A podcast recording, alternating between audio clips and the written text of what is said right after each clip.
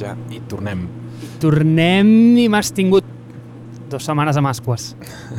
I ha sigut la pitjor setmana de la meva vida sense safreig, eh? Hòstia. Perquè qui no ho sàpiga, el Ramon em va deixar tirat la setmana passada, va fer gravar dos fa dues setmanes, perquè... Explica, explica què vas fer. Molta recerca sobre Bitcoin. Segur. Um. De vacances a l'abril. Ah, no, què cony a l'abril? Al, al juny, joder, ja no sé ni quin més visc, tio. De vacances al juny. Like a pro. A veure, Marc, bon dia. Bon dia. Anem a començar una mica això. Saps quin és el consum de Catalunya de, de CO2 durant un any? Mira, no ho sé, però que estic segur que gran part és contribució de la merda de moto que t'ha passat pel costat, perquè t'ho juro que estic fart Tio, que... Haurien de prohibir el tema dels tubs d'escapament a les motocicletes, eh? Em, em, o sigui, em, em, destrossa la vida. O sigui, em fa molta ràbia. Però el consum de Catalunya de CO2 no ho sé. L'únic que sí que sé és que tio, els pets de vaca fan una contribució molt dolenta al medi ambient. Doncs pues mira, a, Catalunya, bueno, sobretot a Lleida, a Lleida no, massa vaques no hi ha, sobretot hi ha porcs i, i pollastres, però bueno, 43 milions de tones de CO2 el 2019. Uh, hi va haver un màxim al 2005 i llavors va, va baixar una mica i ara estem una mica més a nivells del 1990. És a dir, es manté una, una d'allò industrialitzada, tot i que hi ha molts més cotxes, però bueno, més o menys aquí. Ara, l'altra pregunta. Saps quina és la, una de les monedes més populars, una de les criptomonedes més populars però que alhora són bastant inútils, que és el Bitcoin. Saps quina és la emissió de CO2 deguda a les transaccions de Bitcoin en general? Ah, amb el Bitcoin en general. Sorprèn-me. 60 milions de tones. Més que 7 milions de persones i bàsicament comparable al que fa una mica Marroc. 60 milions de tones de CO2 a l'any. I per una, una transacció, és a dir, imagina't que jo t'envio um, 0,001 bitcoin. Qu quan diries que, que val això? Uh, quan a carboni, si estiguéssim parlant de carboni aquí. Mm, la cosa està cara perquè cada cop s'està posant més complicat això, eh? Vull dir, mirar-los, que és la bellesa del sistema, però no sé exactament a quan... No, però sense minar-los, jo ja els tinc minats ja. Jo tinc 0,001 bitcoin i te'l te, te passo. Quan, quan val això? O noi, però cada vegada que me'l passes necessito sí, sí. una prova de tota, el, de, tota la, clar, de tota la red. Llavors, clar, cada cop està més, més costós, això. Mira, t'ho dic jo. 745 quilos de CO2, que bàsicament són 1,6 milions de transaccions amb, amb Visa o Mastercard. I bàsicament, eh, amb números que tu entenguis, són um, unes 124.000 hores de vídeo mirat a, a GameStree. bueno, pues... Tio, ojalà hi emojis moltes hores d'aquestes, eh? I menys transaccions de Bitcoin. no, però escolta una cosa, escolta una cosa. És que vaig llegir, i no crec que fos... Jo crec que va ser aquesta setmana, que tornàvem a estar en pic CO2 una altra vegada. Sí. És cert, oi? Sí, sí. Clar, bueno. Uh, el Covid sembla que hagi desaparegut i tornem a estar a pic una altra vegada rum, rum cap al canvi climàtic. No, no, total, perquè tu has mencionat que a Catalunya estem a nivells una altra vegada de 1900 i pico, però a nivells globals estem, estem en màxims històrics, eh? És el all-time high CO2, eh? Sí, perquè, o sigui, els, els països europeus ja no necessàriament estan creixent amb, estan creixent països com Romania, països com Xina i tots, o sigui, els causants són aquests. Bueno, jo el dia que algun dia entrarem al tema, eh? però jo un dia que, que... El dia que em va canviar més la perspectiva, sobretot el tema de reciclar i tal, nosaltres a casa hem reciclat sempre, ma mare és una persona que ha estat sempre... Jo penso que 20 anys avançada amb tot això, o sigui, feia coses que algun dia s'explicaran i que algun dia es faran. bueno, i, i de fet feia coses que ara es fan, que es donen per normal, com per eh, ningú reciclava fa 25 anys. Uh, o, o ella, per exemple, abans de dutxar-se, per, per, quan, quan l'aigua s'està calentant, uh, fica l'aigua freda en un cubo que pot fer servir després per fregar, per comptes de llançar-la al, al d'allò. M'entens? O sigui, fa coses d'aquestes que sempre... O, o netejar el, el camp quan està caminant pel camp. Això no, no ho feia ningú, ella, ella ho feia fa 25 anys. I, i et dic això per, per dir-te que el dia que em va canviar més la perspectiva amb això va ser quan em van dir que el, el 80 o el 90% de la contaminació mundial la causaven 100 empreses, 100 empreses. 100 empreses eren les responsables de fer el, la, eh, la, la pol·lució, o eren els responsables de la pol·lució, del, del 80% o del 90% de la pol·lució mundial. I totes aquestes empreses eren les Exxon, uh, British Petroleum i totes aquestes empreses. Aquest dia em va canviar tant la perspectiva, perquè tot això de fer-nos sentir malament a nosaltres, els ciutadans, per recicleu i feu això, que està molt bé, eh?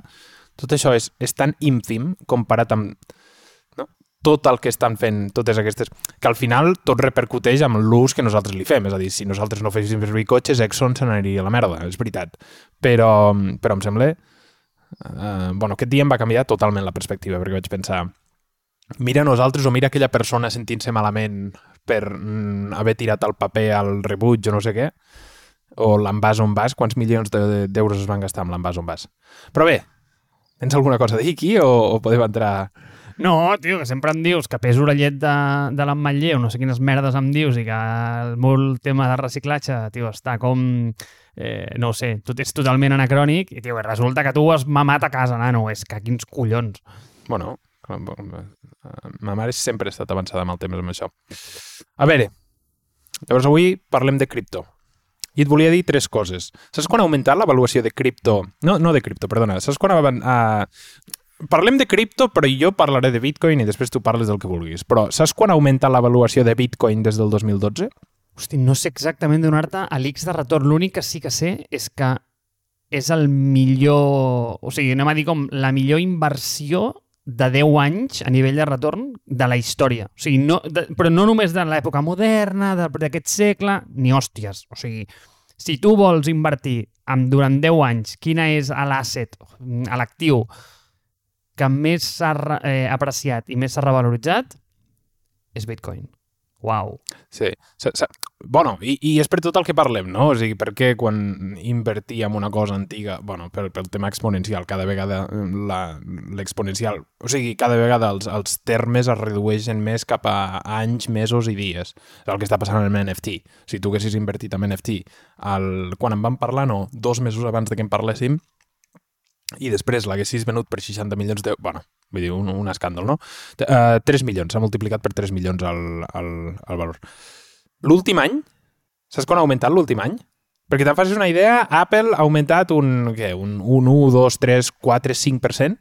Saps quan ha augmentat Bitcoin l'últim any? Vale, eh, no, no et sé dir exactament la dada, el que sí que et sé dir és que, i aquest és el punt que em sembla interessant, és a dir, l'últim any, percentualment, no ha augmentat moltíssim va augmentar molt més percentualment al principi perquè el, perquè el nominal era, molt petit. És a dir, quan tu passes de 0.001 cèntim eh, i, i, i te'n vas als, no sé, eh, mm, als 1.000 euros, és un, un retorn molt més alt que no pas si tens 1.000 euros i al final pues, eh, el vens per 50.000, que estàs fent un 50x, saps? Bueno, és tot el paradigma dels 10, no? Exacte. Si val 0,001, d'acord. Tot i així, ha augmentat un 374,7%. Tot i així. 374%. Digue'm tu quina inversió tens ara mateix que t'augmenti 374% a l'any, eh? I, bueno, i tot, tot i que... Clar, és graciós perquè eh, cada vegada que parlem d'alguna cosa desapareix, desapareix, anem a parlar-hi, ens preparem la recerca i després passa alguna cosa catastròfica que ho fa rebentar. I llavors jo vaig fer tota aquesta recerca quan Bitcoin estava al punt més àlgic i més alt de la seva història i ara ja no té cap sentit això, però bueno, és igual. El valor que tenen els, el, el target price que tenen els Winklevoss, els Winklevoss són les persones que suposadament van crear Facebook i després van um, demandar a Mark Zuckerberg perquè els hi va copiar la idea, etc etc. Una de les millors pel·lícules del cine és uh, The Social Network, ells surten allà, aquests van comprar Bitcoin quan estaven, de fet, a un viatge, uh, penso que era a Sevilla o així, van comprar una mica de Bitcoin eh. i, i diuen que cada Bitcoin valdrà uns 500.000 euros sent conservadors, que és el valor més o menys nominal de l'or. Puc dir una cosa d'aquí? És que aquest tema em sembla fascinant, el dels paios aquests. És que aquests tios, tothom els pren per uns subnormals, ¿vale? però crec que són els tios més llestos del món, sincerament. Eh, tu coneixes bé la història que va passar amb la, amb la denúncia o no? Mira, és que aquest tema és fascinant, eh? Va haver-hi un settlement eh, de... És a dir, aquests paios van tenir la idea de Facebook, o això diuen que tenien, ¿vale? Llavors Zuckerberg mm, era el programador d'això i el tio va dir, joder, aquesta idea és la hòstia, això ho faré jo, i llavors això ho va fer ell. Val? O almenys aquesta és com la seva part de la història. Ells van anar a judici per això. I al judici És que aquest tema és fascinant. O sigui, el judici va passar com l'any 2008, ¿vale? eh, o una cosa així, crec. I en el judici, és a dir, van fallar a favor seu. O sigui, ells van guanyar el judici. I el Settle va ser 65 milions d'euros cap a ells. Zuckerberg va tenir que pagar 65 milions d'euros, dels quals 20 se'n van anar a les costes de, dels abogats. Ells van pagar 20 milions d'euros al bufet d'abogats, val? I abans de que es fes el settlement, van ficar una clàusula que van dir que els 45 milions que els hi tocaven per ells els volien amb stock de Facebook. I llavors els abogats li van dir tio, esteu sonats, no feu això, és la pitjor cosa que podeu fer, agafeu la pasta i correu. I els tios van dir, no, no, no, no, no, no, no. O sigui, això m'estoc de Facebook. Diu, els que esteu bojos sou vosaltres per agafar la pasta amb, amb, amb dòlars i no m'estoc de Facebook. I després, aquí és on vaig amb el teu punt, un pool d'aquests diners, que pots imaginar-te el que seria llavors, és a dir, és que ja et dic, vull dir, riu-te del bitcoin, estaven en el viatge a Espanya i els hi van mm, pitjar el tema del bitcoin. I els tios van dir, cony, això és molt interessant.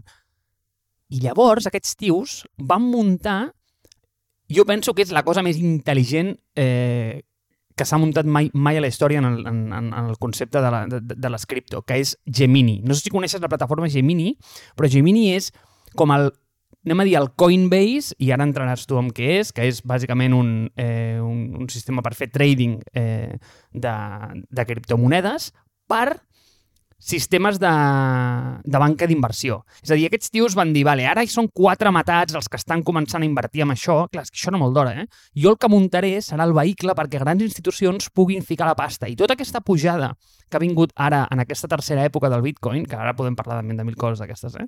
ve molt donada perquè grans fons d'inversió, digue-li JP Morgan, mmm, digue-li Merrill Lynch, digue-li el que vulguis, eh? eh han, han començat a, a posar o, o a alocar grans, eh, grans recursos o grans pools de diners en, aquest, en el Bitcoin i això realment està movent la roda. No, no són quatre inversors tontos tipus GameStop que estan com invertint aquí. I aquests tios van ser qui van muntar el vehicle per fer això. És que és acollonant. Si digue'ls i tontos, saps? I a sobre els cabrons, tios, ho passaven bé remant a l'equip. Eh, tios van anar a les Olimpiades, aquests paios, el 2012. T'hi cagues. Són l'hòstia. Jo sóc fan. Déu nhi eh? GameStop encara, però està a 300, eh? Està a 300 dòlars, eh? Riu-te'n de GameStop. que miris el preu de GameStop sigui, com en temps real. Encara està ara 300 dòlars. 300 dòlars justos, a part. Hòstia. Mm, bon moment per comprar, tot i que això no és un financial No, advice. Ramon, no ho diguis. No, no, Financial Advice no, per favor, tio, perquè cada cop que, que ens fiquem en una cosa d'aquestes, tio, hi ha com un, bueno, hi ha com una espècie de bluff. No, sempre. no, no, no m'hauries... Mira, de, de fet volia explicar unes anècdotes després, però abans d'entrar... Perquè a mi la part que em sembla més interessant del Bitcoin és la història, però abans d'entrar a la història i com comença i com es fa el que és ara, a mi m'ha... Mm, o sigui, mm, no, no m'hauríeu d'escoltar gens a mi eh, en tema de calés, perquè de fet jo vaig comprar mm, no Bitcoin, però vaig comprar Ethereum, que és una altra, una altra criptomoneda que em sembla una mica més interessant per altres raons que entrarem després o en un altre capítol. I, I vaig comprar Ethereum al moment més alt. I amb Ethereum tu pots comprar diferents tokens. Tokens són, estan basats en la cadena d'Ethereum i són mm, coses que pots, amb les que pots comprar altres coses. Doncs vaig comprar 3 o 4 tokens. M'han petat tots. Tots a zero. és a dir, total.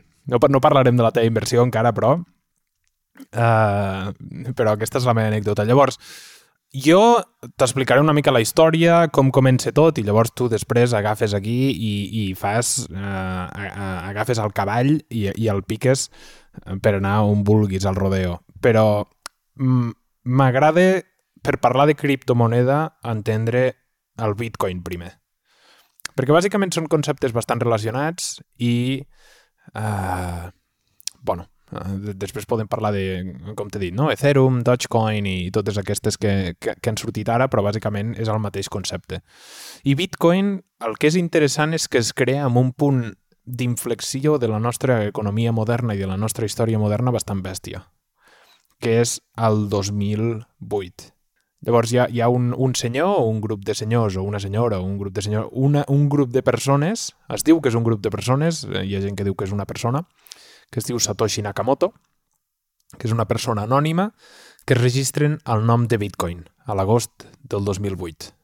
Sis setmanes després hi ha el crash dels Estats Units, Lehman Brothers cau, hi ha tots, totes aquelles imatges eh, desoladores no? de la gent sortint a la caixa, que normalment es veu a les pel·lícules, però sortint de les caixes de Lehman Brothers i tot el, tots els guardes de seguretat dient no parleu amb la premsa, no parleu amb la premsa.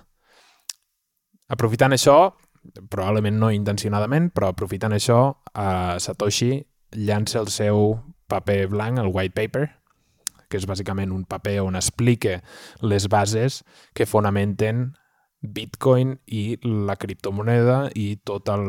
És a dir, per què ens hauríem de moure del sistema arcaic basat en el canvi d'arròs i canvi d'espècies, però en monedes, i, i bitllets, o si tu vols, amb números dins d'un compte bancari, perquè ens hauríem de moure a un sistema que no està basat en res, sinó que està basat amb un sistema de eh, monedes fixes que eh, són infinitament divisibles, etc.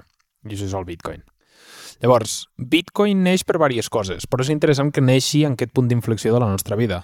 És a dir, eh, la gent comença a perdre fe amb les institucions. Hi ha una bona pel·lícula, de fet, que és The Big Short, eh, que és eh, del Christian Bale i, i tots aquests que bàsicament expliquen el crash del 29, ai, perdona, el crash del 2008 d'una manera bastant, bastant bona i com hi va haver gent que va fer molts, molts calés.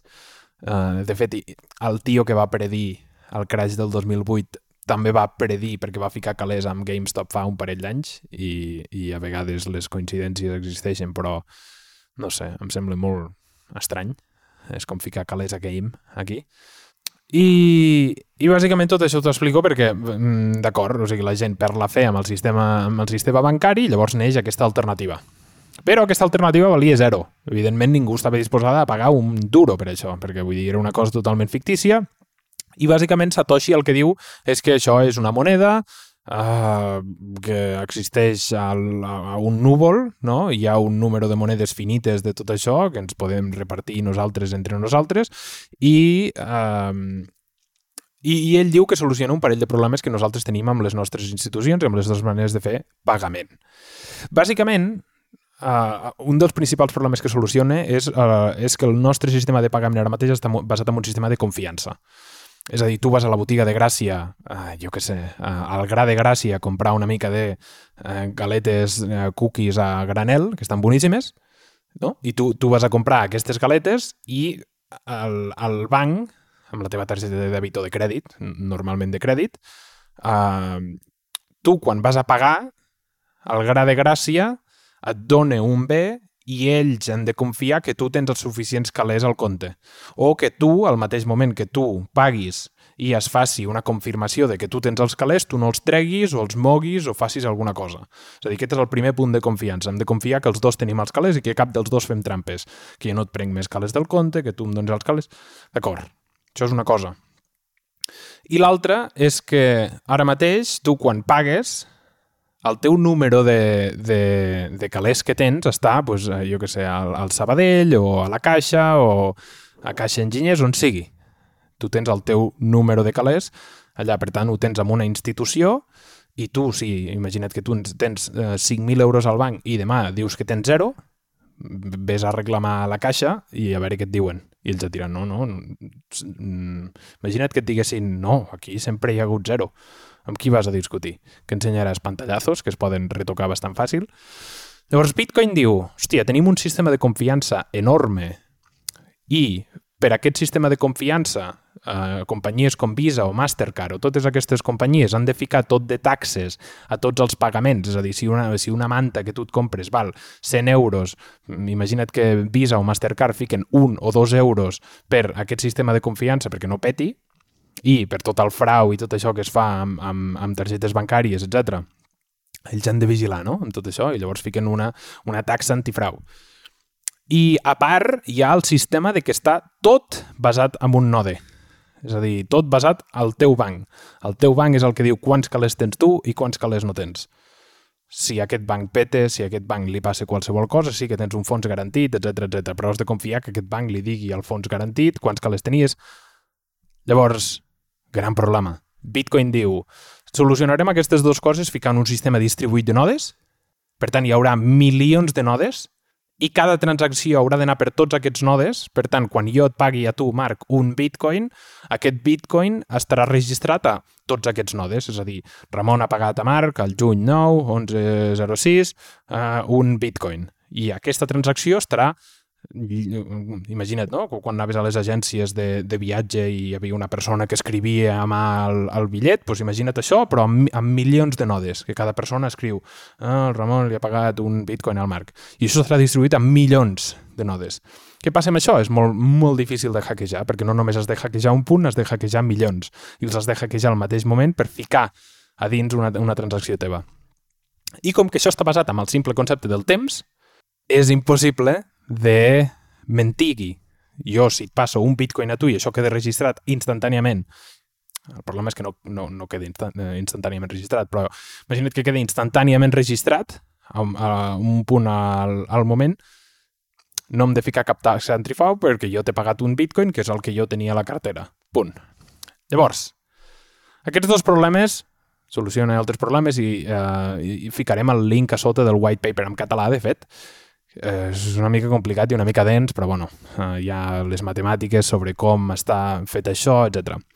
Llavors, a mi el que em sembla interessant, i aniré superràpid amb això, és com puja el bitcoin. Abans que m'expliquis com puja el bitcoin, és que si no m'expliques masses coses i després em costa molt rebatre tots els teus punts perquè m'has donat com un bistec gegant d'informació que es fa difícil de digerir. Llavors, abans que res, abans que res, deixa'm que et doni com dos pinzellades i em va perfecte que em diguis el tema del white paper perquè com que la setmana passada em vas deixar tan avorrit, vale? perquè no sabia què fer el dijous pel matí perquè estava pujant per les parets pensant on està el safreig d'aquesta setmana, mira, em vaig llegir el white paper, tio, amb un parell. Et diré que vaja, hi ha coses que no vaig entendre, òbviament, i vaig obviar, i vaig passar, i vaig dir, molt bé, Marc, això no, o sigui, està ok, que no has de passar cap examen, només li has d'explicar al Ramon. A mi el que ens va fascinant del white paper, a part que s'entén bastant, i és, és bastant concís, la part que és intel·ligible, és que no diu res de tot el que ara s'està parlant del bitcoin. És a dir, tothom s'espega de que si això és un valor refugi, que si eh, rebatrà la centralitat dels governs i permet... bueno, el que ja tots sabem, no? I únicament es centra en el frau. És a dir, l'obsessió del, del paper està molt centrada en el frau. I és que és brutal, perquè quan t'expliquen com funciona el sistema bancari avui en dia, Tio, Ramon, és un puto miracle. O sigui, és com... O sigui, com et diria? És com doblegar una olivera i posar-la en una capsa de mistos. O sigui, és acollonant el que s'ha fet. O sigui, hem passat d'un sistema que literalment eh, era com notetes, tal, EDB, el que tu deies, no? Tal, EDB, i això ho hem com digitalitzat d'una manera tan estúpida que és un miracle que funcioni. O sigui, no entens res. I quan t'expliquen, és, és el, que, el que tu has dit, no? Que és que tu ho has dit molt ràpid, però a mi això em sembla com, dius, xato, o sigui, això és mm, denúncia ciutadana, eh? Que cada vegada que tu vas a fer un pagament, se't cobri una taxa que faci, o sigui, que conti per al frau que ja se saben que generarà, Diu, per favor, però què estem fent? O sigui, que estem sindicalitzant el crim? O sigui, és que a, a, a mi em sembla com... A mi em sembla brutal. Em sembla brutal. I llavors, clar, o sigui, què passa? I ja sé que entraràs ara, eh? Però el bitcoin s'ha començat a utilitzar amb un ús que en el paper no ho deia en lloc, que és com per fer doncs això, doncs per processar pagaments, i llavors ja entrarem en com un problema mm, centralitzat funciona millor o és més eficient que una cosa descentralitzada a costa de la seguretat. Però eh, per què anava aquí? Per aquí anava perquè tu has comentat el tema de... És que clar, el Sabadell ha de dir que tu tens els diners, tal... Clar, una altra cosa que t'explota al cap del sistema bancari, que a mi em sembla impressionant, és que quan el Marc fa un pagament, el Marc no està pagant a ningú. O sigui, el Marc està fotent els seus diners a una bossa que es diu crèdit i algú dirà que aquella bossa en algun moment se n'anirà cap a aquell comerç, però jo en realitat no li estic pagant en aquell comerç, cosa que em sembla impressionant i això ha portat moltes, o sigui, com molts problemes en el, eh, a la societat. És a dir, tot el problema del crèdit, que aquí no és tan comú, però que a països com Mèxic i sobretot a Sud-amèrica eh, tot es compra a crèdit, és únicament per una ineficiència del sistema. I això és... Ah, bueno, o sigui, bueno, és, és, ja et dic, la típica cosa que quan t'expliquen, dius, no, no, no pot ser això, no pot ser. I Per què t'està explicant això? Ah, sí, pel, pel tema del white paper, perquè és impressionant que no parla res de tot el que ara està succeint, malgrat el sistema és tan vell, i vell, vull dir, vell en ve de, de, de, de, de maco, eh, que, que, bueno, que, que ha, ha, anat, eh, ha anat desembocant a tot això, però l'obsessió del paio, i aquesta és l'altra, eh? eh? El timing era impressionant, 2008, estic d'acord, confiança al sistema, però eh, una de les coses que a mi tampoc no entenc res, és com a dia d'avui encara no som capaços de saber qui és aquest home, eh? però o sigui, em sembla fascinant. Eh? I un home que bàsicament al principi va minar més d'un milió de bitcoins. O sigui, aquest tio té literalment mm, quasi, quasi el 10% del pool, o tio o qui sigui, Satoshi, eh? però té el 10% del, de tots els bitcoins que poden existir mai. O sigui, cosa que és, mm, bueno, o sigui, és un risc ja pel, per, la, per, la, per la cripto en si, però, però em sembla fascinant. Eh, I jo fins aquí crec que t'he donat el, el, el rebat en el punt almenys del, del tema del frau i el sistema bancari. Així que estic més tranquil que el bistec que em passa ara serà més com, tio, com un stick tartar igual. Sí, no, el, el... de fet, a mi, tornant al que jo deia abans també, a mi el que em sembla animal és el sistema de que tu estiguis confiant amb el teu banc, amb, el que, te, amb, el, amb que el teu banc no et menteixi. És a dir, si ara el nostre banc decidís treure'ns els dos 1.000 euros per la cara, què? Vés-te queixar, vés-te queixar al Sabadell. I el Sabadell et dirà, però què dius? Calla, home. Estàs dient. I aquí t'has robat mil eurets sense dir res, eh? A ningú. Mm, és que deixa'm que et doni un, un apunt, un últim sobre això. És que el tema de la confiança és una cosa que quan ho expliques, o almenys, mira, o sigui, és que et diré el que em va passar a mi, eh?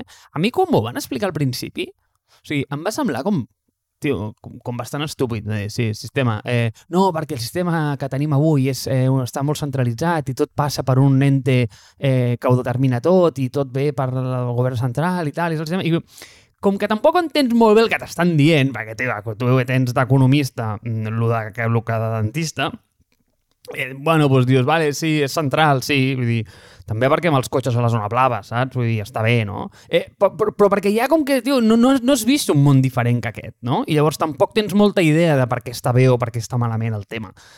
I, tio, quan ho penses realment, o sigui, és que és una autèntica atrocitat. O sigui, que tinguis com aquesta confiança en això. Bueno, és que no sé si és una atrocitat o un miracle, és el que et deia, de que això funcioni. Perquè eh, el, el que estem aconseguint amb això, bueno, a, a mi em sembla com, com fascinant, perquè hem, hem utilitzat una maquinària que estava basada mm, literalment amb el talonari del senyor del Medici que venia a la Itàlia renaixentista que li deia, molt bé senyor, vinga, tu tens tant, tu tens quan.